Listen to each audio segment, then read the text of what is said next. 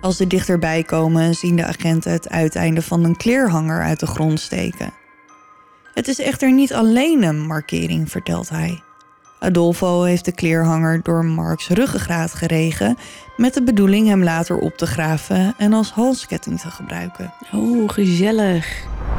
Als er niemand naar de kelder gaat, vallen er ook geen doden. Maar toch wil de nieuwe eigenaar na een tijdje wel van de basilisk af. Hij besluit de lokale smid te vragen, de sterkste man van Utrecht. Dapper daalt hij de stenen trap af naar de kelder.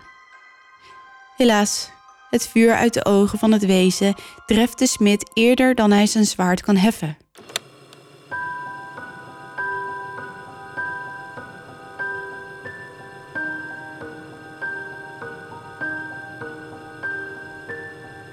Dit is Duister.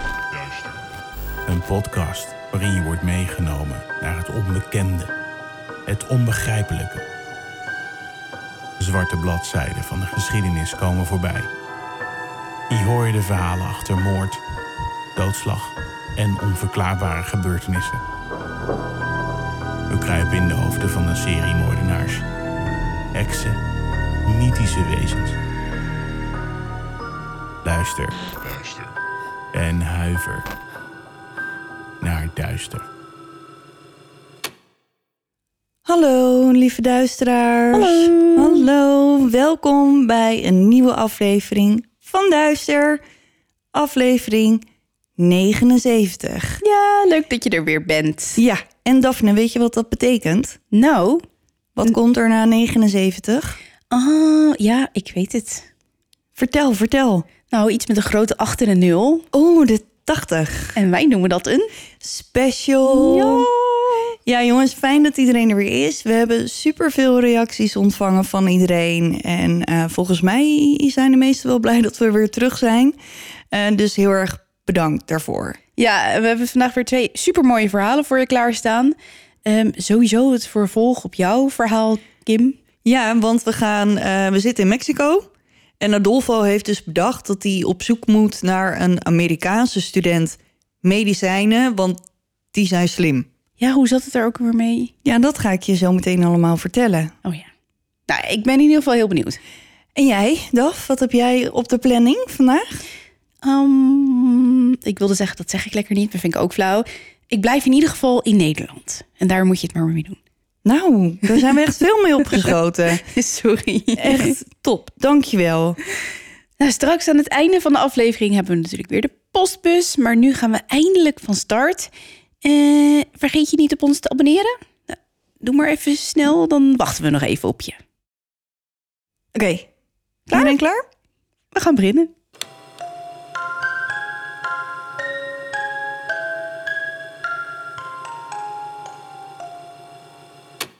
Oké, we gaan verder met deel 2 van Adolfo Constanzo. Ehm, we zijn vorige keer gebleven bij dat hij op zoek was naar die Amerikaanse student medicijnen. Ehm, maar dat moet dan wel snel. En dat is dan de enige manier om zijn ketel gelukkig te maken. Ehm, want hij had de verkeerde geofferd en daar werd hij verdrietig van. Ja. Dus dat, dat was niet helemaal de bedoeling. We gaan verder. We zoeken een Amerikaanse student medicijnen. Maar hoe kom je zo snel aan een student medicijnen, een Amerikaanse in Mexico? Maar zo gek is deze opdracht niet. Rond deze tijd van het jaar wordt Matamoros overspoeld door Amerikaanse studenten die hun voorjaarsvakantie, beter bekend als spring break, in de stad doorbrengen. In Texas staat deze week in maart bekend als Texas Week, omdat veel scholen op dat moment voorjaarsvakantie hebben. Brownsville en Matamoros zijn steden aan weerszijden van de grens. Ze worden alleen gescheiden door de Rio Grande rivier en een brug verbindt de twee steden. De twee steden zijn nauw verbonden. Veel mensen wonen in de ene stad en werken in de ander of andersom. Ehm, zoals Sarah, die in Brownsville studeert, maar in Matamoros woont. En Sarah is de priesteres van de secte van Adolfo. Oké. Dat wist je. Ja, nee, ja. Twee weken geleden. hè. Ja, dat is waar. Het voordeel voor de studenten is dat de wettelijke drinkleeftijd in Mexico 16 jaar is, terwijl dat in Amerika 21 jaar is. Dus dat verschilt nogal een beetje. De springbreakers hoeven dus alleen maar de brug over te steken, de douane te passeren en hoppa, laat de drank maar vloeien. Hier kunnen ze gewoon legaal drinken en zich echt helemaal laten gaan. In Texas Week steken duizenden studenten de brug over om van hun vakantie te genieten. Naar schatting komen er zo'n 15.000 studenten naar Matamoros om van hun vakantie te genieten. Op maandagavond 13 maart 1989 gaan Adolfo's mannen in de drukbevolkte straten van Matamoros op zoek naar een nieuw slachtoffer. Ze zoeken in kroegen en clubs tot ze het perfecte exemplaar gevonden hebben. Mark Gilroy arriveert op 11 maart samen met zijn vrienden Billy Huddleston, Bradley Moore en Brent Martin op South Padre Island. En even voor de duidelijkheid, South Padre Island ligt in Texas. Het klinkt iets Mexicaans, Maar dat is het maar niet. dat is het niet, ligt in Texas. Oké. Mark studeert medicijnen aan de Universiteit van Texas in Austin en kijkt enorm uit naar zijn vakantie. De groep verblijft in het Sheraton Hotel en ze brengen veel tijd op het strand door met studenten uit het hele land. Het is één groot feest en de vrienden hebben de tijd van hun leven. Maandag 13 maart is geen uitzondering. De dag begint op het strand, ze genieten van de zon en het water. Na een korte lunchpauze keren ze terug naar het strand voor de dagelijkse Miss Tenline-verkiezing. Miss wie? Tenline. Oh, Tenline. Ja, dus de, De meest gebruinde. de- Ja, wie er het witst is onder de bikini, Oh, ja, ja, ja. Oké. zeg maar. Oké. Na een dag op het strand gaan de vrienden s'avonds naar een feest op South Padre Island. Na een paar uur besluiten ze naar Matamoros te gaan, net zoals de avond daarvoor. Ze stappen in de auto en rond 11 uur parkeert de groep aan de Amerikaanse kant van de grens. Ze steken de brug over en zijn klaar voor een avondfeesten. Het is druk, maar ze vinden een kroeg waar de rij niet al te lang is. Los Sombreros. Hm. Mark is een knappe, aardige jongen en de vrouwen drommen om hem heen. Voordat hij met zijn studie aan de Universiteit van Texas begon, studeerde hij aan Charleston State met een basketbalbeurs. Mark is atletisch, slim, knap en een fijne persoonlijkheid. Op een gegeven moment verliezen zijn vrienden hem uit het oog, nadat hij met een paar meisjes had staan praten. Als ze hem terugvinden, staat hij tegen een auto geleund te praten met de winnares van de Miss Tenline-verkiezing van die dag. Bill en de andere jongens hebben het wel gehad voor die dag en stellen voor om terug te gaan naar het hotel. Rond twee uur s'nachts lopen de vier vrienden door de hoofdstraat.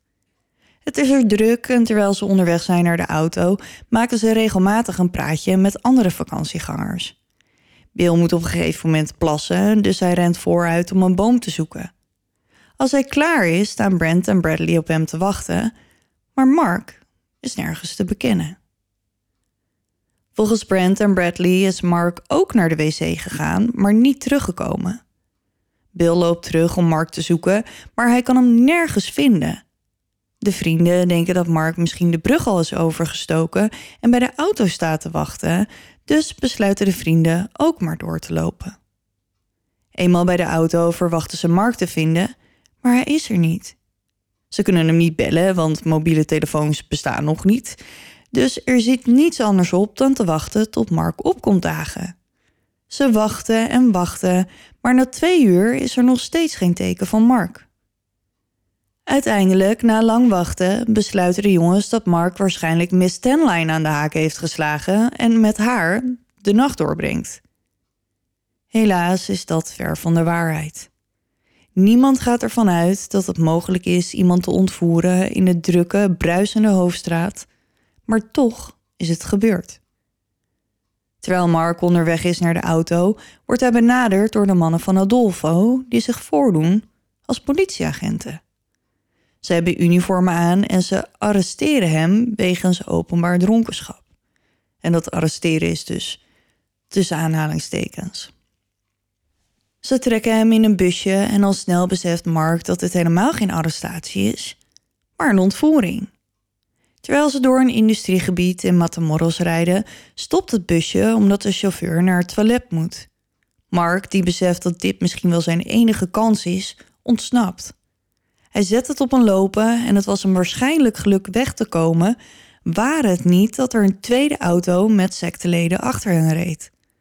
Mark, die denkt dat deze mannen hem kunnen helpen, is opgelucht. Als hij ze aanspreekt, loopt hij zo in de val van de secteleden. De auto wordt bestuurd door een van Adolfo's mannen, Serafin Hernandez. Ze overmeesteren hem, binden zijn handen vast en sleuren hem de auto in. Ze geven plankgas en rijden in één ruk naar Rancho Santa Elena, waar de geboeide en geblinddoekte Mark s'nachts wordt vastgehouden. De rest van de nacht wordt Mark gemarteld en misbruikt door verschillende secteleden.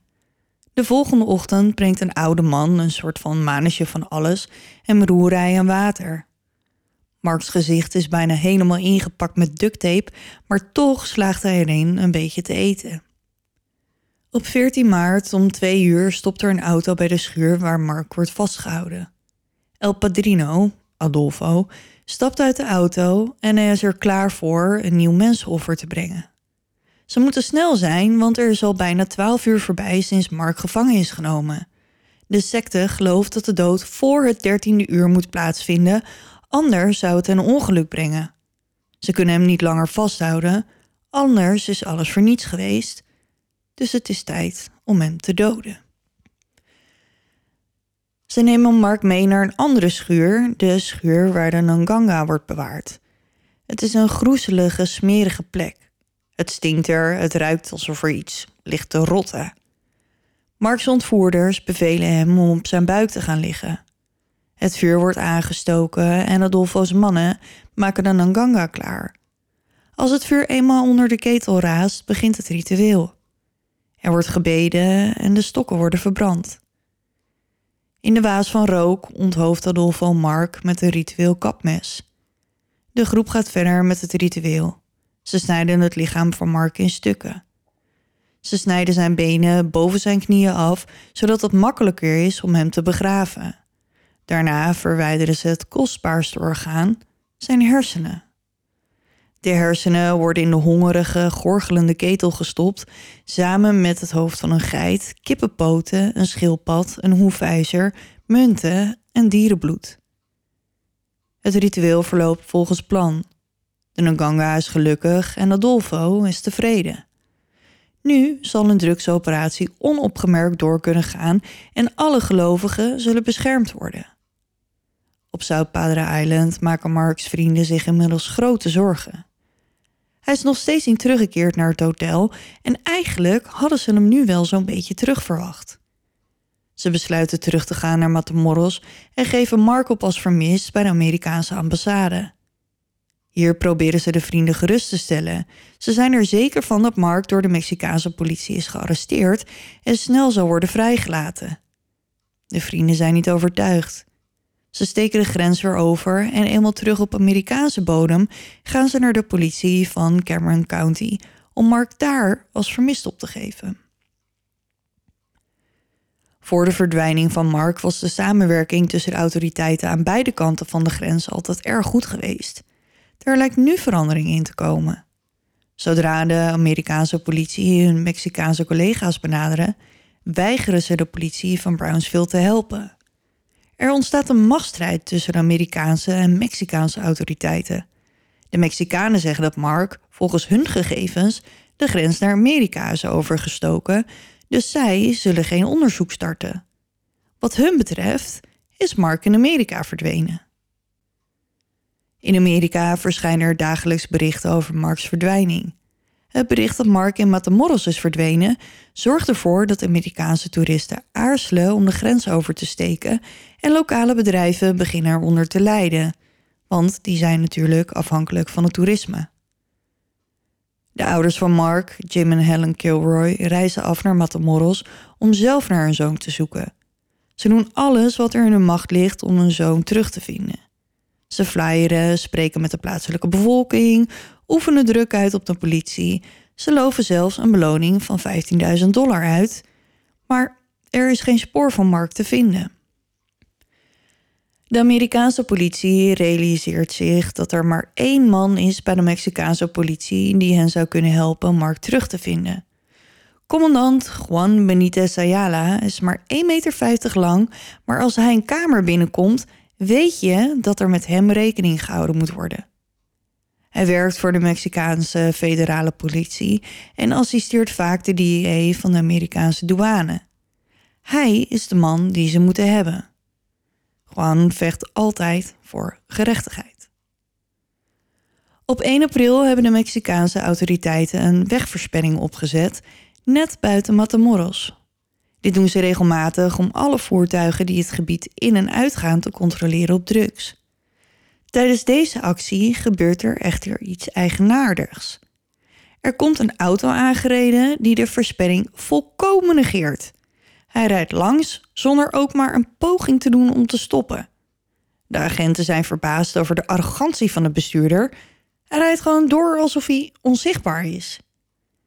Uiteraard zetten ze de achtervolging in, want wie denkt deze man nou helemaal dat hij is?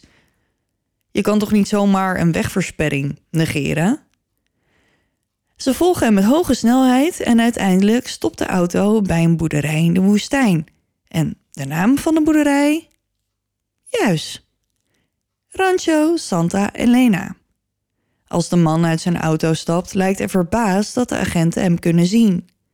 De beste man denkt namelijk dat hij onzichtbaar is voor de agenten. Hij nodigt ze zelfs uit om op hem te schieten, want de kogels zullen hem toch niet raken. Ze zullen gewoon van zijn lichaam afketsen. De naam van deze man is Serafin Hernandez, een lid van de Hernandez-familie en de ontvoerder van Mark. Tijdens de huiszoeking vindt de politie stapels en stapels aan wiet en vuurwapens en dat is genoeg om Serafin te arresteren. De drugs en de wapens zijn alleen nog maar het topje van de ijsberg. Er is op de boerderij nog veel meer te vinden. Tijdens een verhoor spreekt Serafin openhartig over El Padrino, een beoefenaar van zwarte magie die spreuken uitspreekt zodat hij en de rest van de familie beschermd zijn. Hij beloofde Serafin dat hij onoverwinnelijk en kogelwerend zou zijn. Er worden op de boerderij nog drie mannen gearresteerd die allemaal bekennen deel uit te maken van een secte. Ze vertellen vol trots over hun geloof in de krachten van zwarte magie. Daarna komen er verhalen over martelingen en mensenoffers. Ze praten vol eerbied over een leider, Adolfo de Jesus Constanzo. Inmiddels is het voor de politie wel duidelijk dat ze op de boerderij op iets groots zijn gestuurd. Het bewijsmateriaal wijst erop dat de boerderij niet alleen gebruikt werd als thuisbasis van een drugskartel. In een kleine schuur vinden ze verschillende voorwerpen die er op het eerste gezicht uitzien alsof iemand Santeria beoefent. Als we nog eens goed kijken, lijkt het erop dat er veel duisterdere dingen in de schuur worden beoefend dan Santeria. Ze hebben te maken met een hele duistere kant van magie. De vier secteleden die na de achtervolging gearresteerd zijn, zijn twee Hernandez-broers en twee Martinez-broers. De politie vindt tijdens de huiszoeking uniformen van de staatspolitie. Dit zijn de uniformen die de mannen gebruikt hebben tijdens de ontvoering van Mark. In hun auto zitten rode lichten. Deze lichten laten de auto's eruit zien als ongemarkeerde politievoertuigen. Terwijl ze op de boerderij bezig zijn met een onderzoek, laten ze aan de oude man die Mark eten heeft gegeven zijn foto zien. Ze vragen hem of hij Mark misschien op de boerderij gezien heeft. De man bevestigt dat Mark daar is geweest. Hij heeft hem op de ochtend van 14 maart ontbijt gebracht. Hij weet echter niet wat er daarna met hem gebeurd is. Dit is de eerste aanwijzing die de politie heeft over het lot van Mark. Ze gaan met deze informatie naar Serafin Hernandez en als ze hem hiermee confronteren, geeft hij vrijwillig toe dat hij Mark vermoord heeft. Op 11 april, bijna een maand na de dood van Mark, neemt de politie onder leiding van Juan Benitez Ayala Serafin mee naar de boerderij en vraagt hem te laten zien waar het lichaam is. Serafin begrijpt hem niet helemaal en vraagt: welk lichaam? Juan is niet in de stemming voor spelletjes en laat dat duidelijk aan Serafin blijken. Serafin verduidelijkt. Ik bedoel wel welk lichaam ik moet laten zien? Dus. De agenten kijken vol verbazing toe terwijl Serafin over het erf loopt en graf na graf aanwijst. Gilberto ligt hier, zegt hij. Ik weet zijn achternaam niet. Eh, Oké. Terwijl hij bezig is met het aanwijzen van de graven, lijkt Serafin cool en onaangedaan door de hele situatie. Nog steeds met de houding dat hij onzichtbaar, kogelwerend en onoverwinnelijk is. Op een gegeven moment stopt hij en zegt dat hij honger heeft. Iemand moet hem iets te eten brengen. Juan verliest zijn geduld. Hij pakt een pistool en vuurt in de richting van Serafin. Oké, dat is ook een beetje eh, Ja. agressief. Ja, ja, maar plotseling, alsof er een betovering verbroken wordt, realiseert Serafin dat hij toch niet echt kogelwerend is. Oh. Dus ja, gewoon is er helemaal klaar mee. Hij wil weten waar het lichaam van Mark ligt. Serafin wijst hem de plek aan. Hij ligt daar, bij die draad. Als ze dichterbij komen, zien de agenten het uiteinde van een kleerhanger uit de grond steken. Serafin legt uit dat de kleerhanger gebruikt is als markering om aan te geven waar het ondiepe graf is. Het is echter niet alleen een markering, vertelt hij. Adolfo heeft de kleerhanger door Marks ruggengraat geregen met de bedoeling hem later op te graven en als halsketting te gebruiken. Oh, gezellig. Ja. Ze beginnen met het opgraven van de lichamen en alleen al op de eerste dag worden er 13 lichamen gevonden en geborgen. Maar even tussendoor, hè. Ja, Die, hoe heet die? Alfonso? Nee, Adolfo. Adolfo. Ja. Die heeft nog niet in de gaten dat dit allemaal gebeurt. Eh, ja, daar komen we zo op. Oh, oké. Ja? Want als het al een maand later is, dan zou je toch denken dat hij ondertussen wel onraad geroken heeft en hem gesmeerd is. Ja, dit is een maand na de moord op Mark. Dus zeg maar de verdwijning van Mark. En daarna pas ehm, reed Serafin langs de wegversperring. Oké. Dus er zit niet precies een maand tussen. Oh, oké. Ehm, even kijken, waar waren we gebleven? Oh ja, 13 lichamen. Ehm, en Serafin geeft zijn betrokkenheid bij de moorden toe... die plaatsvonden in een periode van negen maanden. Alle lichamen zijn zwaar verminkt. Sommige zijn gecastreerd, andere misbruikt... en bij de meeste ontbreken er ledematen of organen. Twee van de lichamen zijn van twee overgelopen agenten... Joaquin Manzo en Miguel Garcia... Niet alle lichamen zijn geïdentificeerd. In totaal worden er 23 lichamen opgegraven. Serafin vertelt de politie uitgebreid over de leider van de secte, Adolfo Constanzo. Hij legt uit dat de moorden werden uitgevoerd op bevel van Adolfo om zijn Nganga te voeden.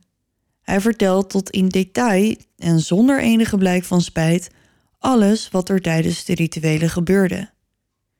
Het nieuws dat het lichaam van Mark is gevonden slaat bij zijn ouders in als een bom. Ze zijn erg gelovig en ze worden een beetje getroost door de gedachte dat Mark nu bij zijn schepper is. Zijn moeder probeert de gruwelijke omstandigheden van zijn dood te begrijpen. Zij denkt dat zijn moordenaars bezeten moeten zijn geweest door de duivel en daarmee zit ze er eigenlijk niet heel ver naast. Voor haar is er geen andere verklaring voor de monsterlijke moord op haar zoon. Ondertussen heeft de politie de jacht op Adolfo geopend. Ze horen over zijn reinigingsceremonies in Mexico City en gaan daarheen om zijn huis binnen te vallen. In zijn luxe huis in Atizapan, net buiten Mexico City, vinden ze enorme stapels homoporno en Adolfo's heilige boek, zijn boek met spreuken en recepten. In het boek staan ook de namen van een aantal van zijn hooggeplaatste klanten. Als ze de inhoud openbaar zouden maken, zou dat een enorme opschudding hebben veroorzaakt. In hetzelfde pand ontdekken ze een verborgen rituele kamer. Wat, of eigenlijk wie ze niet vinden, is Adolfo. Hij kan overal zijn. De media-aandacht voor de zaak zorgt voor veel tips en er worden veel waarnemingen van Adolfo gemeld, zelfs helemaal in Chicago. Hm. Hij zit echter dichterbij dan ze denken. Toen Serafin langs de wegversperring reed, kwam hij net terug uit Brownsville, waar hij een ontmoeting had met Adolfo, Sarah, Martin en enkele andere secteleden. Zodra ze hoorden van een arrestatie op de boerderij, reden ze naar McAllen in Texas, dat is ongeveer een uur rijden vanaf Brownsville, en nemen een vlucht naar Mexico-stad. Juan weet precies hoe hij Adolfo uit zijn schuilplaats moet lokken. Hij begrijpt en heeft een diep respect voor Mexicaans bijgeloof en het geloof in hekserij of brujeria. Ik hoop dat ik dat goed uitspreek. Hij benadert een beoefenaar van witte magie om Adolfo zwarte magie tegen te gaan. Hij vraagt de Brugus om hem en zijn mannen te beschermen tegen de krachten van het kwaad. Maar wat hij vooral van hem wilde weten, is wat ze kunnen doen om Adolfo uit zijn schuilplaats te roken. De Brugus stelt voor om de rituele kamer, of eigenlijk schuur, op de boerderij plat te branden, evenals Adolfo's grote trots, de Nganga. Gan regelt een Mexicaanse televisieploeg en vraagt hen hem en zijn agenten te vergezellen en te filmen hoe de broegoes benzine over de ketel en de hut gooit en deze in brand steekt. Maar die ketel die staat daar nog. En dat is het allerbelangrijkste uit zijn leven. Ja, En hij zorgt niet dat die ketel dan even opgehaald wordt. En nee, want hij was natuurlijk al in Brownsville op ja, een moment dat de naar... op een moment dat de politie bij zijn huis aankwam. Dus hij heeft helemaal geen tijd meer gehad om terug te gaan naar huis. Nee, maar dan kan hij... Hij heeft toch mannen. Ja, maar dus het wemelt daar van de politie. You know? Hij heeft toch ook mensen ontvoerd in politieuniform. Dan kan je toch ook wel politiemensen wijsmaken dat je van een ander politiekorps bent. Had gekund, ja. En dat je dat ding even Ja. komt ophalen. Maar ja, ze hebben ook geen mobieltjes of zo. Dus je kan ook niet even appen... hey, pik, Haal even mijn haal ketel. haal even mijn ketel op. Dat gaat dus niet. Dan moet je een postduif sturen. In ieder geval... ehm, de ketel en de hut worden dus in de fik gestoken. En op live televisie kan het hele land toekijken... hoe Adolfo's tempel van mensenoffers in as verandert. Nog diezelfde nacht wordt Adolfo gevonden. Hij houdt zich schuil in een appartement in Mexico City. Een paar dagen eerder heeft Sarah een briefje uit het raam van datzelfde appartement gegooid waar het volgende op stond. Bel alsjeblieft de politie en vertel ze dat in dit gebouw degene zijn die ze zoeken. Geef ze het adres, vierde verdieping. Vertel ze dat er een vrouw gegijzeld wordt. Ik smeek u, want wat ik het liefste wil is praten. Anders vermoorden ze het meisje. Einde bericht. Een voorbijganger vindt het briefje maar, denkt dat het een grap is, dus hij brengt het niet naar de politie. Op 6 mei, dezelfde dag dat Juan Adolfo's hut laat afbranden, meldt een buurman een incident in een appartement in Mexico City. De commotie wordt veroorzaakt door niemand minder dan Adolfo. Als hij de uitzending ziet, wordt hij woedend. Sarah vertelt de politie later dat hij ladingen geld begint te verbranden op het fornuis, terwijl hij maar blijft roepen dat hij het toch niet meer nodig heeft. Hij gooit ook geld uit het raam, dollarbiljetten en munten. Als de politie bij het appartement arriveert, weten ze niet wat ze aan zullen treffen. Voor zover zij weten gaat het om een ruzie in de huiselijke sfeer, meer niet. Als Adolfo de politievoertuigen voor het gebouw ziet stoppen, denkt hij ten onrechte dat ze gevonden zijn. Klaar om tot het einde te vechten, opent hij het vuur op de agenten met een automatisch wapen. De politie schiet terug en binnen de kortste keren wemelt het van de agenten en is het gebouw omsingeld door 180 gewapende mannen. Ze zitten 45 lange minuten in een impasse. Was besloten om niet naar de gevangenis te gaan, overhandigt Adolfo een pistool aan zijn beste huurmoordenaar, een sectelid die ze El Dubi noemen. Hij beveelt El Dubi om hem en de liefde van zijn leven, Martin Cantana, te doden. Hij wil sterven in Martins armen. Is best romantisch als het niet zo vreselijk zou zijn. Beetje morbide, maar prima. Ja, ja, nou ja. Ik kan me wel voorstellen dat je dan degene van wie je houdt bij je in de buurt wil hebben. Als je dan toch dood moet gaan. Ja, maar... Niet in deze omstandigheden, Het- maar dit- gewoon... Dit is een beetje in het- overdreven. gewoon in het echte, normale, Nou, daar wil ik nog even, nog even niet aan denken als je het niet erg vindt. Nee, oké. Oké. Goed. El Dubi vertelt de politie later wat er gezegd werd tussen hem en Adolfo. Hij zei me hem en Martin te vermoorden. Ik zei hem dat ik dat niet kon, maar hij sloeg me in het gezicht en dreigde dat alles slecht voor me zou aflopen in de hel. Toen omhelsde hij Martin en ik stond voor hen en schoot hen neer met een machinegeweer. Tegen de tijd dat de politie het appartement bereikt, zijn zowel Adolfo als Martin dood. Eldubi en Sarah worden onmiddellijk gearresteerd. Er doen verhalen de ronde dat de Mexicaanse politie Adolfo heeft vermoord en dat het dus geen begeleide suïcide was, zoals in het officiële rapport staat. Hij had zoveel informatie over corrupte hoge ambtenaren dat als hij gearresteerd was, ze ongetwijfeld allemaal verraden zouden zijn. Hm. Want dan zou hij wel even een boekje open doen. Ja. Want hij had toch niets meer te verliezen. De enige manier om hun anonimiteit te waarborgen was ervoor te zorgen dat hij niet kon praten. Meer dan een jaar later, in augustus 1990, wordt El Dubi, die Adolfo en Martin zou hebben vermoord, veroordeeld voor hun moorden en krijgt een gevangenisstraf van 30 jaar. Omar Orea, beter bekend als Adolfo's vrouw, tussen haakjes, maar eigenlijk meer de partner van hem en Martin, uh, wordt samen met twee andere secteleden veroordeeld voor de moord op Ramon Esquivel in Mexico City. Ze krijgen allemaal een gevangenisstraf van 35 jaar. Omar sterft alleen voordat hij wordt veroordeeld aan AIDS. Sarah, Elio Hernandez en Serafin Hernandez worden veroordeeld voor meerdere moorden en krijgen elk een gevangenisstraf van meer dan 60 jaar. Mocht een van hen ooit vrijkomen, dan staan de Amerikaanse autoriteiten gelijk klaar om hen te vervolgen voor de moord op Mark Kilroy. Maar Nou, hoezo zijn ze daar niet al voor veroordeeld dan? Omdat ze in Mexico eerst al die ehm, andere moorden hebben gebruikt om ze te veroordelen. Mag je daar niet de Amerikaanse bij optellen? Ja, maar ze hebben al 60 jaar. ja, nou. Dus, ehm, en ik denk dat de Amerikaanse autoriteiten hem het liefst het zelf zouden willen veroordelen. Maar dan moet hij natuurlijk uitgeleverd worden aan Amerika. Dus dan krijg je weer zo'n heel bureaucratisch proces. Maar ik weet niet precies hoe dat zit. Nee, oké. Maar ik denk dat het een stuk ingewikkelder is dan. Ze weten nu in ieder geval dat de moordenaars en zijn handlangers en zo allemaal vastzitten. En inderdaad, mochten ze dan ooit vrijkomen, dan brengen ze de grens over en dan gaan ze het daar doen. Oké.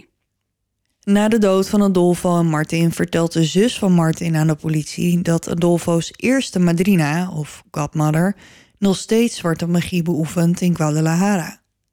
Voordat Omar stierf, zei hij dat de dood van El Padrino en de gevangenschap van de secte niet het einde zou zijn van hun religie. Hij was ervan overtuigd dat de mix van religies die Adolfo had gecreëerd, een mengeling van Paramoyambe, Santeria en Haitiaanse voodoo, zou voortleven. De pers heeft hen de naam narco-satanisten gegeven. Maar dat waren ze helemaal niet. Ze gebruikten bestaande religies en verlegden de grenzen door ook mensenoffers in hun rituelen op te nemen. De drie religies waaruit Dolfo putte hadden geen handboek, geen bijbel of geschreven regels. Rituelen en overtuigingen werden van generatie op generatie doorgegeven als deel van een orale traditie. Traditioneel gezien mogen alleen heteroseksuele mannen de Palomayambe beoefenen en Adolfo, die natuurlijk biseksueel was, verbrak deze regel. Niet alleen dat, hij stelde een vrouwelijke hoge priesteres aan. Deze vrouw sprak niet alleen spreuken uit, ze nam actief deel aan het martelen van slachtoffers. Sarah beweerde dat zij absoluut niet op de hoogte was van de menselijke offers en dat zij nooit bij de secte had willen horen als ze op de hoogte was geweest van de praktijken van de secte. Dit is moeilijk te geloven, aangezien ze was aangesteld als hoge priesteres, Adolfo's rechterhand, die hij koos boven zijn levenspartners of zakenpartners. De ouders van Mark stonden voor de moeilijke taak om hun leven opnieuw op te bouwen zonder hun zoon. In de nasleep van de gebeurtenissen vertelden talloze mensen hen verhalen van jongeren die gewond of gedood werden als gevolg van de drugshandel. Om ervoor te zorgen dat Mark niet voor niets stierf, richtte zijn familie de Mark Kilroy Foundation op, met als doel drugsgerelateerd geweld te voorkomen en risicogroepen op te voeden en te rehabiliteren. En dat is het einde van het verhaal van Adolfo Constanzo en zijn zwarte magie-secte. Ja, je zegt net, om, zodat Mark niet voor niets stierf, richtten zijn ouders een stichting op. Maar Ja. hij stierf eigenlijk wel voor niks. Tuurlijk stierf er voor niks, maar die ouders die hebben gewoon nu iets wat hen aan hun zoon. Ik snap de gedachte hoor, maar ja. het, is, het is natuurlijk helemaal kansloos dat iemand om zo'n reden vermoord wordt. Tuurlijk. En het, iedere moord is natuurlijk allemaal voor niks, nooit. Ja. Waarom dacht die ene knakker dat hij onzichtbaar was? Omdat hij dus die Nganga. ja, omdat wel, hij- maar hoe kan je nou zo erg geloven dat je dan... Ja, Adolfo was blijkbaar zo goed in het manipuleren en ja, gewoon hij was blijkbaar heel overtuigend. Ik bedoel, waarom in Jonestown gingen ze toch ook allemaal de Kool-Aid? Eh, ja, Dus maar ook een heel grote groep niet. Ja, maar ja, ik denk dat hij vaak dat hij af en toe gewoon geluk heeft gehad en dat daardoor, weet je, als hij zei van oké, nou je wordt onzichtbaar en dat ze dan één keer niet zijn opgemerkt of zo en dat het daardoor dan ook meer in je hoofd gaat geloven dat dat het echt zo is. Ja, ja bizar eigenlijk. Ja. Ja, en het is natuurlijk helemaal... Kijk, we hebben het over... Spam gaat helemaal uit de plaat. Die heeft in één keer de kolder in de kop. Nee, Die heeft rent- een, een elastiekje van Teddy heeft ze gevonden. Oh, nou ja, die is lekker aan het spelen. Dus als je heel hard, hard getik hoort... dan is het Spam die over de, de grond rent. Maar goed, ik heb het natuurlijk over Santeria en Palomeum en dat soort dingen. Maar dat he- eigenlijk heeft dat helemaal niks te maken met wat Adolfo doet. Nee, Adolfo heeft gewoon bedacht, goh, weet je, mensen geloven al in Santeria of in Palomayombe of en in de Ganga's. Dus ik kan dit gebruiken om een soort van mijn eigen religie en dan, weet je, neem ik overal een beetje van en dan, wat me uitkomt gebruik ik. ja, en dan doe ik er allemaal nog even een schepje bovenop en dan stoppen we er een paar eh, benen en hersenen in en dan, eh, weet je, het ging hem alleen maar om de macht en het geld en het feit dat hij die mensen gewoon kon laten doen wat hij wilde. Ja. Nou ja, ehm, ik kan niet zeggen dat ik er heel rouwig om ben dat hij eh, er niet meer is. Ik ook niet. Nee. En ja, gewoon zoveel mensen ook daar begraven op die, op die boerderij. is echt bizar. ja. Ja. Zijn er foto's van? Eh, ik heb foto's van zijn ketel Oh, daar ben ik wel benieuwd naar. met, met stokken. Jezus. Ja, dus eh, als je de nieuwsbrief eh, ontvangt, dan kan je zo bekijken. En eh, anders moet je even wachten tot ze op de socials komen. Nou, ik ben benieuwd. Ja, maar jij gaat naar Nederland, begreep ik. Dus laten we van Mexico naar Nederland vertrekken. ja, laten we dat doen.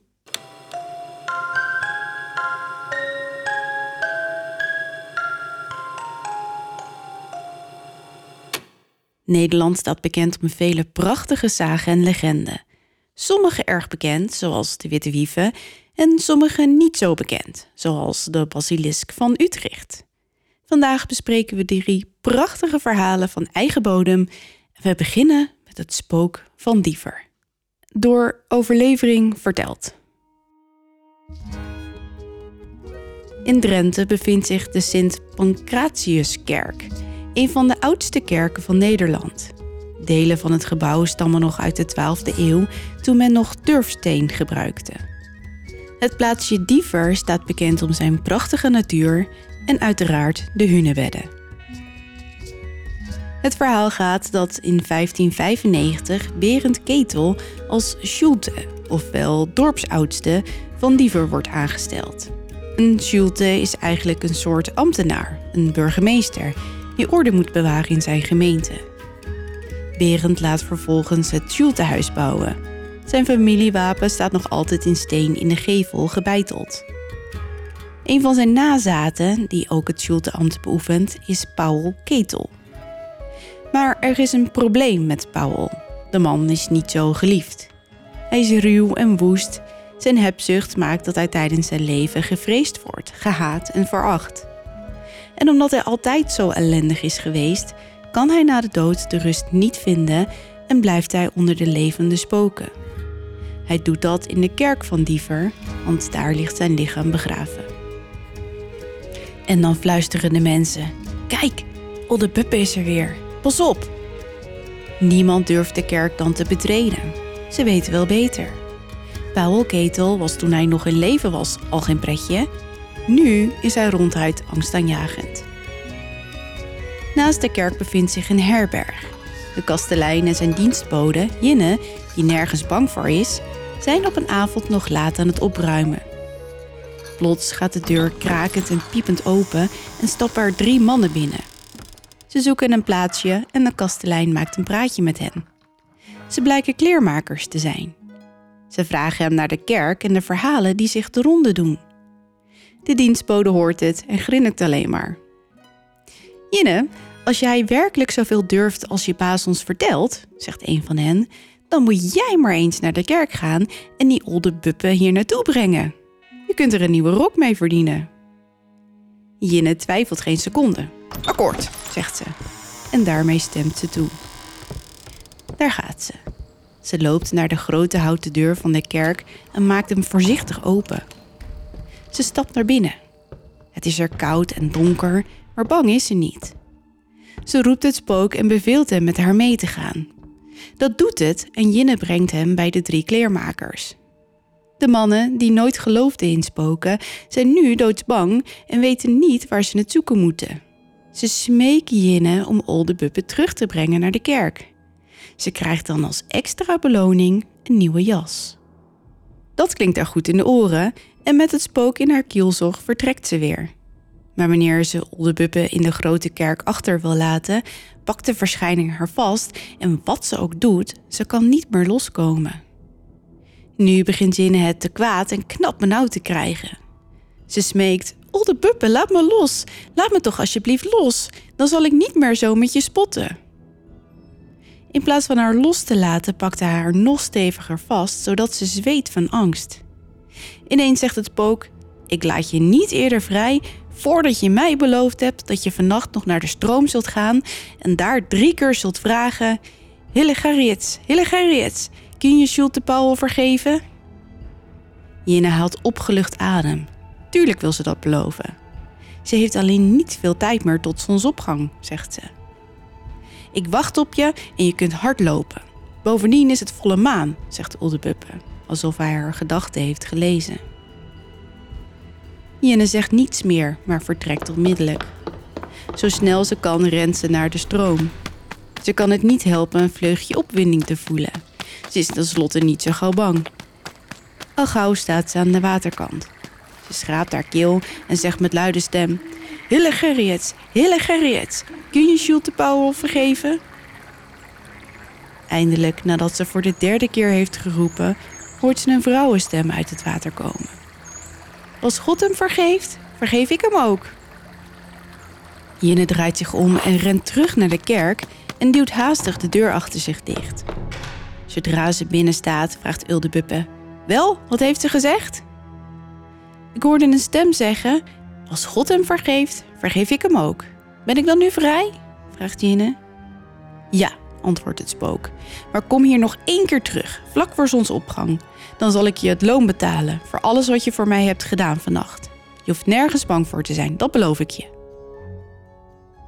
Jinne gaat terug naar de herberg. Iedereen ligt al in bed en zelfs de kleermakers slapen al. Wanneer het bijna licht is geworden, keert ze voor de derde keer die nacht terug naar de kerk. Daar is Oldebuppe weer. Ga naar de oude lindenboom voor het huis en graaf dan rechts van de dikke boomwortel. Wat je vindt, was ooit van mij, maar is straks van jou, zegt hij tegen haar. Ze doet wat hij zegt. Precies op de aangewezen plek begint ze met haar handen te graven. Smerig en onder het zand vindt ze een kistje met erin zilvergeld dat ze mee naar huis neemt. En zoals beloofd maken de kleermakers haar een rok en een jas. Na die nacht heeft niemand Oldebuppe meer horen spoken in de kerk. Blijkbaar heeft hij voorgoed zijn rust gevonden na al zijn wandaden. Oké, ehm, de moraal van dit verhaal is mij een beetje onduidelijk. Mm. Uh, maar niet ieder verhaal hoeft natuurlijk een Moraal te hebben. een moraal te hebben, Ja. inderdaad. Het gaat dus over een geest die vergiffenis wil van een andere geest... en die blijkbaar in het water leeft. En nadat al de buppen zijn zonden vergeven zijn... beloont hij Jinne die hem hierbij dus geholpen heeft. Oh ja. Ja, Ja. Ze heeft er in ieder geval een rok, een jas en een geldkist aan overgehouden. nou, dat is in ieder geval een voordeel, toch? Ja, ja, dat is ook een voordeel. Ja. Een Of het beetje- de moraal van het verhaal is, weet ik Een niet. beetje maar- voor wat hoort wat. Ja. Oh, Nou, dan sluiten we daarmee af. Ehm, het volgende verhaal gaat over een mythisch wezen in Utrecht.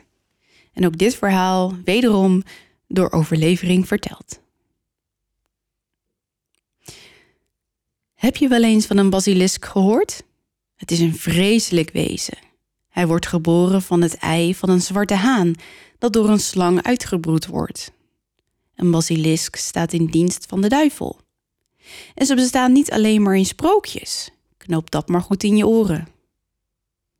In Dokkum en in Oldenborn was er ook ooit één. Het doodde 18 mensen. Hoe het precies gegaan is, vertelt men niet, maar het moet er vreed aan toegegaan zijn. Men zegt dat hij in Oldenborn in een diepe put zat. Dat zou natuurlijk best kunnen, want zulke wezens zoeken vaak donkere plekken op. Er is heus wel reden voor dat het beest lichtschuw is. Een basilisk is een soort afschuwelijke reuzenhagedis. Hij heeft een kam van stekels op zijn rug en een staart vol schubben die bij elke beweging ratelen. Maar het ergste is zijn kop. Dat is een monsterlijk ding met een grote rode bek en venijnige uitstekende tanden. En zijn neusgaten zijn net diepe holen, waaruit hij wolken van stinkende adem spuwt. Het verschrikkelijkste in die kop zijn de ogen. Het zijn ronde, bloedrode, glinsterende ogen waar een gloeiend vuur in brandt. Kijk je daarin, dan nemen ze bezit van je. Het vuur zal zich in je lichaam vestigen en verspreiden en je zult opbranden tot het vuur alles verslonden heeft en je niet meer bent dan een hoopje as. Zo'n basilisk was er ook eens in Utrecht. Aan de Oude Gracht, aan de Werf, is een uitgehouwen gevelsteen te vinden die naar het wezen verwijst. Dit is het verhaal. Het beest is nog maar net geboren in de vochtige en glibberige tunnels onder Utrecht. Hij weet dat hij een donkere plek zal moeten zoeken, ergens waar hij zichzelf niet zal kunnen zien, want net als bij zijn slachtoffers zal ook hij in as veranderen als hij zijn eigen spiegelbeeld ergens tegenkomt. Hij is er zelfs doodsbang voor. En dus kruipt hij in een donkere kelder onder een bierbrouwerij. Daar is hij vast veilig. Stilletjes wacht hij op wat er komen gaat. Op een dag komt er een knecht beneden. Het beest glijdt haast onmerkbaar tussen de vaten bier door, tot hij oog in oog met de knecht staat. Er klinkt een gedempte schreeuw en de arme drommel keert nooit terug. Even later gaat de opzichter kijken waar de knecht nou toch blijft. Maar ook hij keert nooit weer terug. Wie de kelder ingaat, verliest zijn leven. Na de zoveelste besluit men de kelder zorgvuldig af te sluiten. Maar na jaren is er een nieuwe eigenaar van de brouwerij en die besluit eens een kijkje te gaan nemen. Hij presteert het de blik van de basilisk te ontwijken en weet nu wat er zich in zijn kelder schuilhoudt. Menigeen voelt de haren in zijn nek omhoog staan als hij daar naar beneden afdaalt. Ratelen daar niet de schubben? Is daar niet het geglibber van het afschrikwekkende wezen? Als er niemand naar de kelder gaat, vallen er ook geen doden. Maar toch wil de nieuwe eigenaar na een tijdje wel van de basilisk af. Hij besluit de lokale smid te vragen, de sterkste man van Utrecht. De smid stemt toe om het beest te doden. Dagenlang is hij bezig met het slijpen van zijn zwaard, tot het zo scherp is dat hij met één slag een boom kan omslaan. Dapper daalt hij de stenen trap af naar de kelder. Helaas, Het vuur uit de ogen van het wezen treft de smid eerder dan hij zijn zwaard kan heffen. Na enkele minuten ligt er alleen nog een hoopje as waar eerst de dappere man stond. De basilisk is al lang weer verdwenen in de duistere hoeken. Geen moed helpt tegen hem, geen stalen harnas, geen vechtkunst, geen scherp zwaard. Weer gaan de jaren voorbij, meer dan een eeuw zelfs. Het aantal slachtoffers van de basilisk groeit en groeit en overal in de kelder bevinden zich hoopjes as. De mensen willen van het monster af, maar ze weten niet hoe. Ze loven een groot geldbedrag uit voor degene die het lukt het beest te doden. Totdat op een zekere dag een jonge man zich aanbiedt. De jongen heeft nog niet eens de ademsappel in de keel. Hij heeft nog ineens baardgroei, zo jongen zei. Maar hij is lang en slank en rank en zijn blonde haar wappert vrolijk in de wind. Hij is een zuivere knaap. Alle kwaad is hem vreemd. Reinheid en onschuld stralen uit zijn blauwe ogen. En hij wil de basilisk doden? vragen de mensen zich verwonderd af. De jongen ziet eruit alsof hij nog een vlieg kwaad zou doen. Dat wil ik, zegt de jongen kalm, met een grote stralende glimlach. De eigenaar van de brouwerij weigert. Nee, zegt hij, je bent veel te jong en veel te onbezonnen. Dit monster heeft al genoeg levens geëist. Niemand wil dat jij hier sterft voor ons. Je komt de kelder niet in. Je hebt bovendien niet eens een wapen. Jawel hoor, antwoordt de jongen en hij tikt op het houten bord dat voor zijn borst hangt en glimlacht weer. Zijn hand glijdt in zijn zak en tovert daar een doek uit. Bind mij deze doek maar even voor de ogen, vraagt hij. Maar niemand doet het. De jongen kijkt even om zich heen, realiseert zich dat hij geen hulp zal krijgen en bindt de doek dan zelf maar voor zijn gezicht. Daarna, op de tast, schuifelt hij naar de stenen keldertrap. Zodra de mensen in de gaten hebben dat de jongen echt naar de basilisk gaat, proberen ze hem tegen te houden en op hem in te praten. Maar de knaap luistert niet en hij loopt met zo'n enorme zekerheid naar de kelder dat ze hem maar laten. Tja, dan moet hij het zelf maar weten. Onderaan de trap opent hij de deur. Zijn voeten schuifelen door het duister. Zijn hart ponkt in zijn keel van opwinding, maar hij voelt geen angst. Daar hoort hij het geratel der schubben. Dat is de basilisk, het monster, en het is dichtbij. Een stinkende walm bereikt zijn neusgaten.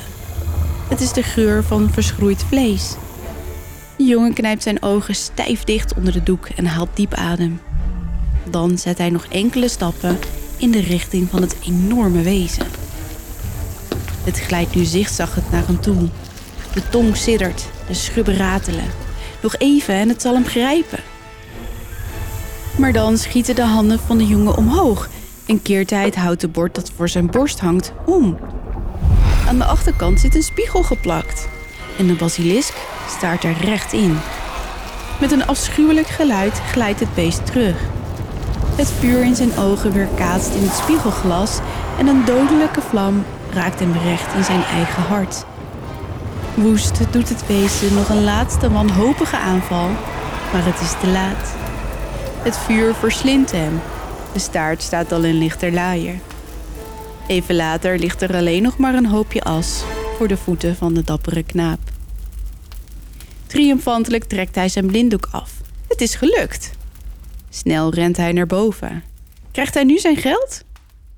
Trots wordt de jongeman onthaald en zoals het hoort krijgt hij zijn beloning. Utrecht kan opgelucht ademhalen. Utrecht is van het monster verlost. Nou, dit verhaal heeft duidelijk wel moraal. De basilisk was een monster van de duivel. En onschuld en reinheid, zoals de knaap, Hmm. die hebben hem dus overwonnen. Hmm. Ja, ja. Ja, eh, uiteraard, ja. Het is een beetje goed tegen kwaad, Ja, Een beetje eh, bijbels misschien. Ja. Maar goed, nu, we weten in ieder geval wel... Waar, waar het om gaat. Ja, en hoe een basilisk eruit ziet is ook heel belangrijk. Ja. ja, ik zat er even over na te denken hoe dat er dan uitziet. Een beetje gek, denk ik. Denk ik ook wel, ja. Nou, ik heb nog één heel mooi verhaal. Eh, en ik ben zo vrij geweest om het naar de tegenwoordige tijd aan te passen. Uh, maar het is oorspronkelijk geschreven in de jaren 30 van de vorige eeuw door Jozef Cohen en gaat over dokter Faustus, die woont in een kasteel in Gelderland. Door Jozef, ja? Jozef, zeker. Hm.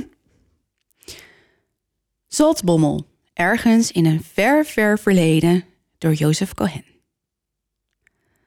Op slot Waardenburg woont dokter Faustus in hoogst eigen persoon en hij leert en studeert de hele dag. Ja, vaak sluit hij zelfs nachts zijn boeken niet. Uit zijn schoorsteen komen vreemde walmen en stank en niemand weet wat dokter Faustus daar eigenlijk doet. Hij gooit velerlei poespas door elkaar en kijkt er dan met alle verstand naar alsof hij een groot wonder verwacht. Maar wat hij zoekt, dat vindt hij natuurlijk niet. En daarover is de dokter heel bedroefd.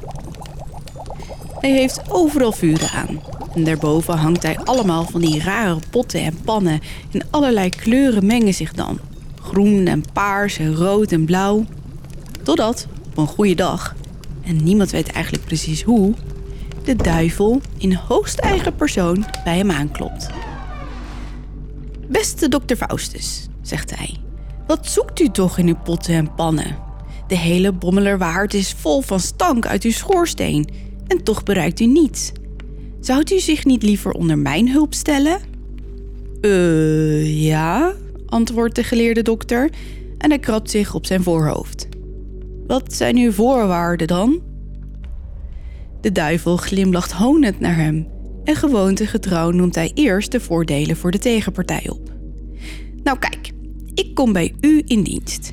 En zeven jaar lang kunt u alles van mij krijgen wat u maar wil. Dokter Faustus denkt enige tijd na. En wat als de zeven jaar om zijn?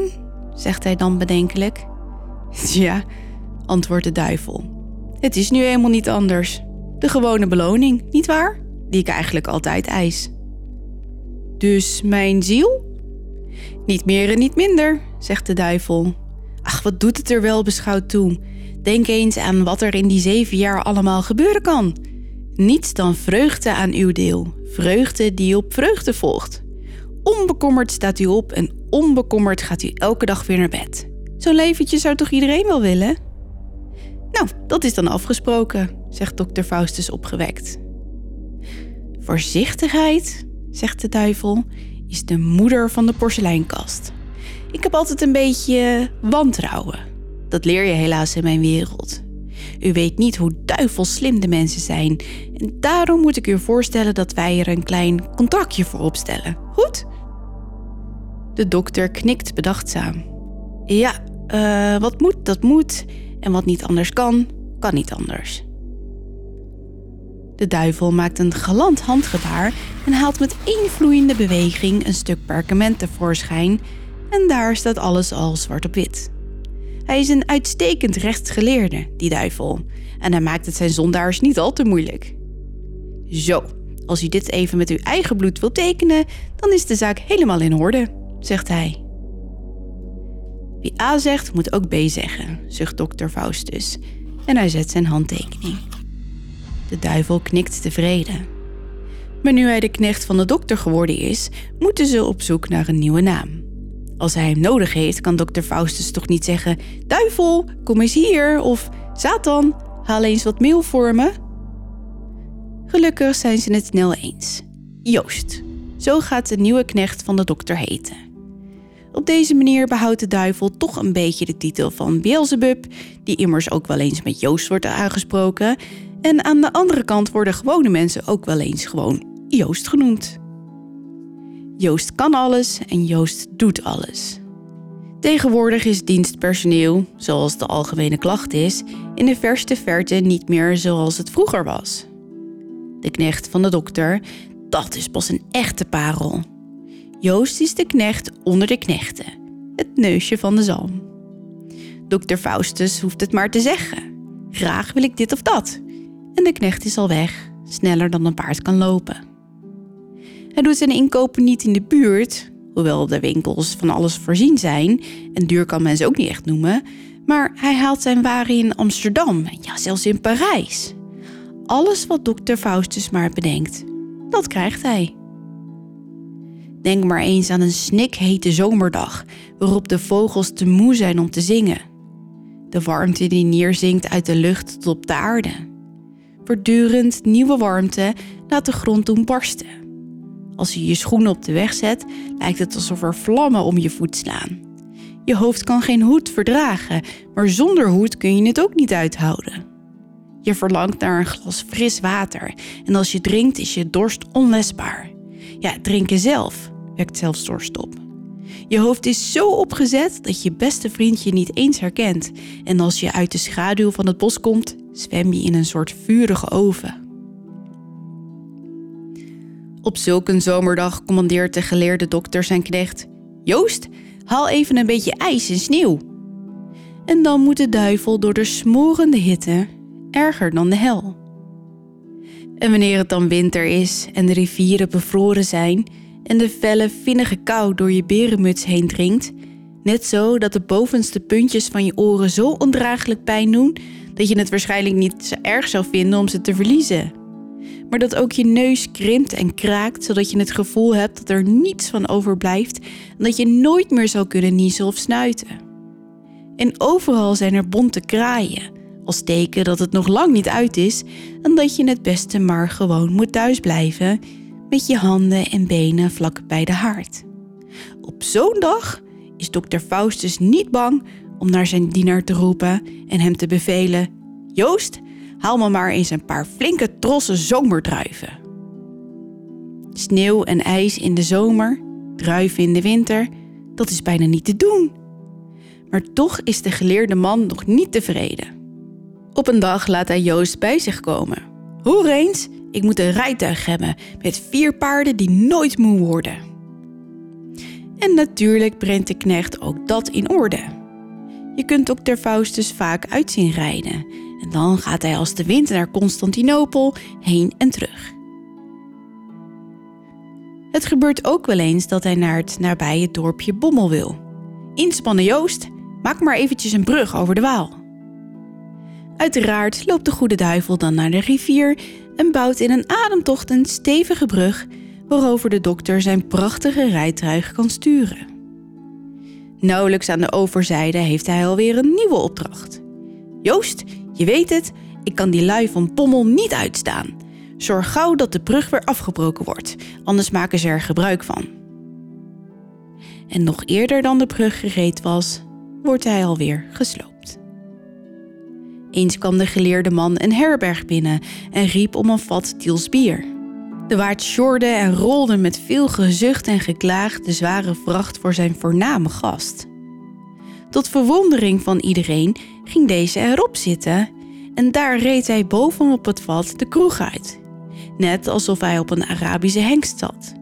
Huppelend en stijgerend en vooroverbuigend en dan weer achteruit werpend voer het vat Tiels bier hem tot aan het kasteel waarna dokter Faustus afsteeg en Joost riep. Hij had hem natuurlijk weer wat te ordoneren en elke dag bedacht hij wel iets nieuws. Als zo'n geleerde bol daar eenmaal mee begint, dan kan er van alles gebeuren. Om een voorbeeld te geven. Op een dag heeft hij meel gekocht en laat het naar de gracht rijden en beveelt dat men de dure koopwaar, het is zo zonde ook, in het water te gooien. Nadat het gebeurd is, roept hij zijn knecht. Joost, haal het er maar weer uit en zorg dat het goed gezuiverd wordt. Anders krijg je met mij te doen. De arme duivel gaat aan het scheppen en voor wel een half uur lang ruikt het in de hele omtrek zuur. Voor hij klaar is met het vuil en het meel te scheiden, gaat er heel veel tijd voorbij. En de rug van Beelzebub doet hem pijn, alsof hij gegezeld wordt. Soms veroorlooft de dokter zich nog een bijzonder grapje tegenover zijn knecht. Als hij de gehele dag zo hard gewerkt had dat hij ervan zweet, neemt zijn heer wat koren en smijt het in een doornheg. Joost, voor morgen vroeg moet je zorgen dat ik het terug heb. En dan schokt de verloren duivel met zijn vermoeide benen naar de heg en steekt zijn vingers in de doornen om al die korrels bij elkaar te verzamelen. De volgende morgen wachtte hem dan opnieuw moeilijk werk en vele malen mompelde de duivel: Ik zou willen dat de dood hem kwam halen. Maar zover is het nog lang niet. Hij moet al die zeven jaren doorworstelen en een einde schijnt er niet aan te komen. Uiteindelijk, vier jaren zijn er voorbij gegaan, raadt Beelzebub zijn moed bijeen en hij klopt nederig aan bij de deur van zijn meester. Binnen, roept dokter Faustus en de drommel van zijn knecht staat op de drempel. Mijnheer, als het niet te lastig is. Dr. Faustus weet genoeg van de wereld om te weten dat er thans een onbeschaamde vraag zal volgen. Maar ach, brutaal was het vroegere dienstpersoneel ook al. Hoewel je er tegenwoordig figuren bij hebt, maar ja, hierover basta. Ongeduldig zegt hij: Moet dit nu? Uh, meneer, ik heb nu vier jaar goed en trouw gediend. Moet dit nu? De duivel knikt en zegt: Als meneer er niets op tegen heeft, zou ik graag meneers dienst nu wel graag willen verlaten. Verlaten? zegt de dokter. Dat begrijp ik niet. Zeven jaar moet je toch bij me blijven? Meneer, u moet me goed begrijpen. Ik bedoel niet dat mijn heer mijn loon hoeft uit te betalen. Ik wil mijn heer vier jaar gediend hebben zonder loon. Daar komt mooi niets van in. Aan je werk, Joost. Jij bent moe. Ik ben het niet. En dus werkt Joost nog drie jaar bij de geleerde Faustus. Er is niets op hem aan te merken. Zo'n nette, degelijke knecht hebben er niet veel. En zo trouw. En zo eerlijk. Maar nu de zeven jaren om zijn, tja, nu is de knecht de meester geworden en de meester de knecht. Het contract heeft de duivel goed in orde gemaakt. Het is middernacht, precies 12 uur. En daar grijpt de duivel zijn vroegere heer bij de kladden en springt met hem van het hoge venster van de toren en sleept hem direct naar de hel, nadat hij hem fel door de tralies van het raam heeft gedrukt. Het bloed spuit uit het verdoemde lichaam van de dokter en spat tegen de muur om het nageslacht van de waarheid van deze vertelling te overtuigen. En het laatste wat je hoort is het geschreeuw van de dokter. Typisch Jozef. Ja, Kan alleen maar door een Jozef bedacht zijn. ik denk het ook inderdaad. Ja, Het is lekker Duister. duister. Oké, we zijn aan het einde gekomen van eh, mijn deel van deze aflevering. ja. Maar voor we afsluiten gaan we nog even naar de, Potbus. de potbus. We hebben heel veel reacties gehad. Ehm, en ik heb een heel leuk berichtje gekregen. Dus eh, luister even mee. Hoi, hoe bepalen jullie wat duister genoeg is voor de podcast? Is er bijvoorbeeld een checklist? Ik hoor het graag. Doei doei! Hoe bepalen jullie wat duister is en hebben jullie een checklist? Checklist. Ja, wat is duister? Ehm, voor mij gaat het er vooral om of er genoeg info te vinden Info is is. Ja. over iets wat, of wat duister of niet. Maar eigenlijk is alles al gauw een beetje duister Ja, als je erin gaat graven. ja. Ja, en bij mij is het natuurlijk eigenlijk altijd vrij snel als er iemand vermoord wordt, dan Ja. is het natuurlijk al duister of op een bijzondere wijze is verdwenen of een mysterie. Dus eigenlijk is iets al snel duister en als je dan ook nog genoeg informatie kan vinden, dan is het Duister. dan is het duister. Ja. Nou ja, er zijn ook wel punten of verhalen waar ik het graag een keer over zou hebben. Ehm, maar waar je dan eigenlijk iedere keer een beetje op iedere website tegen hetzelfde aanloopt Ja. en niet veel verder komt dan dat. Maar misschien kunnen we wel weer een keer een, een Compilatie eh, Ja, maken met alle kortere. afgevallen onderwerpen. Ja. Dat we het samenvoegen tot één aflevering. Ja, want ik, heb, ik kom ook wel eens dingen tegen. En we hebben natuurlijk dat gedaan met de corona-editie. Mhm. Eh, de kortere verhalen die we ooit hadden opgenomen. En dat zijn gewoon verhalen die zijn wel heel, heel interessant. Maar aangezien onze aflevering nou eenmaal vaak anderhalf uur duren, zo niet langer, ehm, Dan kom je, met, gewoon tekort. En Ja. dan zijn jullie allemaal teleurgesteld. Dus dat willen we natuurlijk niet hebben. kom je met 20 minuten wel een beetje Ja. bedrogen uit. Ja. En dit was hem dan echt. Dankjewel voor het luisteren. Vergeet niet een goede review achter te laten of post te sturen naar de postbus. Het adres vind je onder andere in onze nieuwsbrief. En het telefoonnummer om een voicebericht achter te laten is, ik ga hem gewoon even opnoemen, 06 1234 68 En ik weet dat het klinkt als een fake telefoonnummer. 1, 2, 3, 4. Maar het, het bestaat echt. Het bestaat echt. Ehm, abonneren op de nieuwsbrief kan trouwens via de link in de bio op Instagram. Of zoek ons op op Facebook, want daar hebben we ook de Duisterclub. De allerleukste club van Nederland. Ja, dus Want echt heel gezellig. gezellig. Nou, lieve duisteraars, dank nogmaals. Tot volgende week. Nee. Volgende keer. Ja. Ja. En blijf in het licht. Want je weet nooit wat er in het duister Op je wacht. ik dacht dat je hem nog opnieuw op ging pakken. Nee, het, het was hem gewoon al. nou, doei.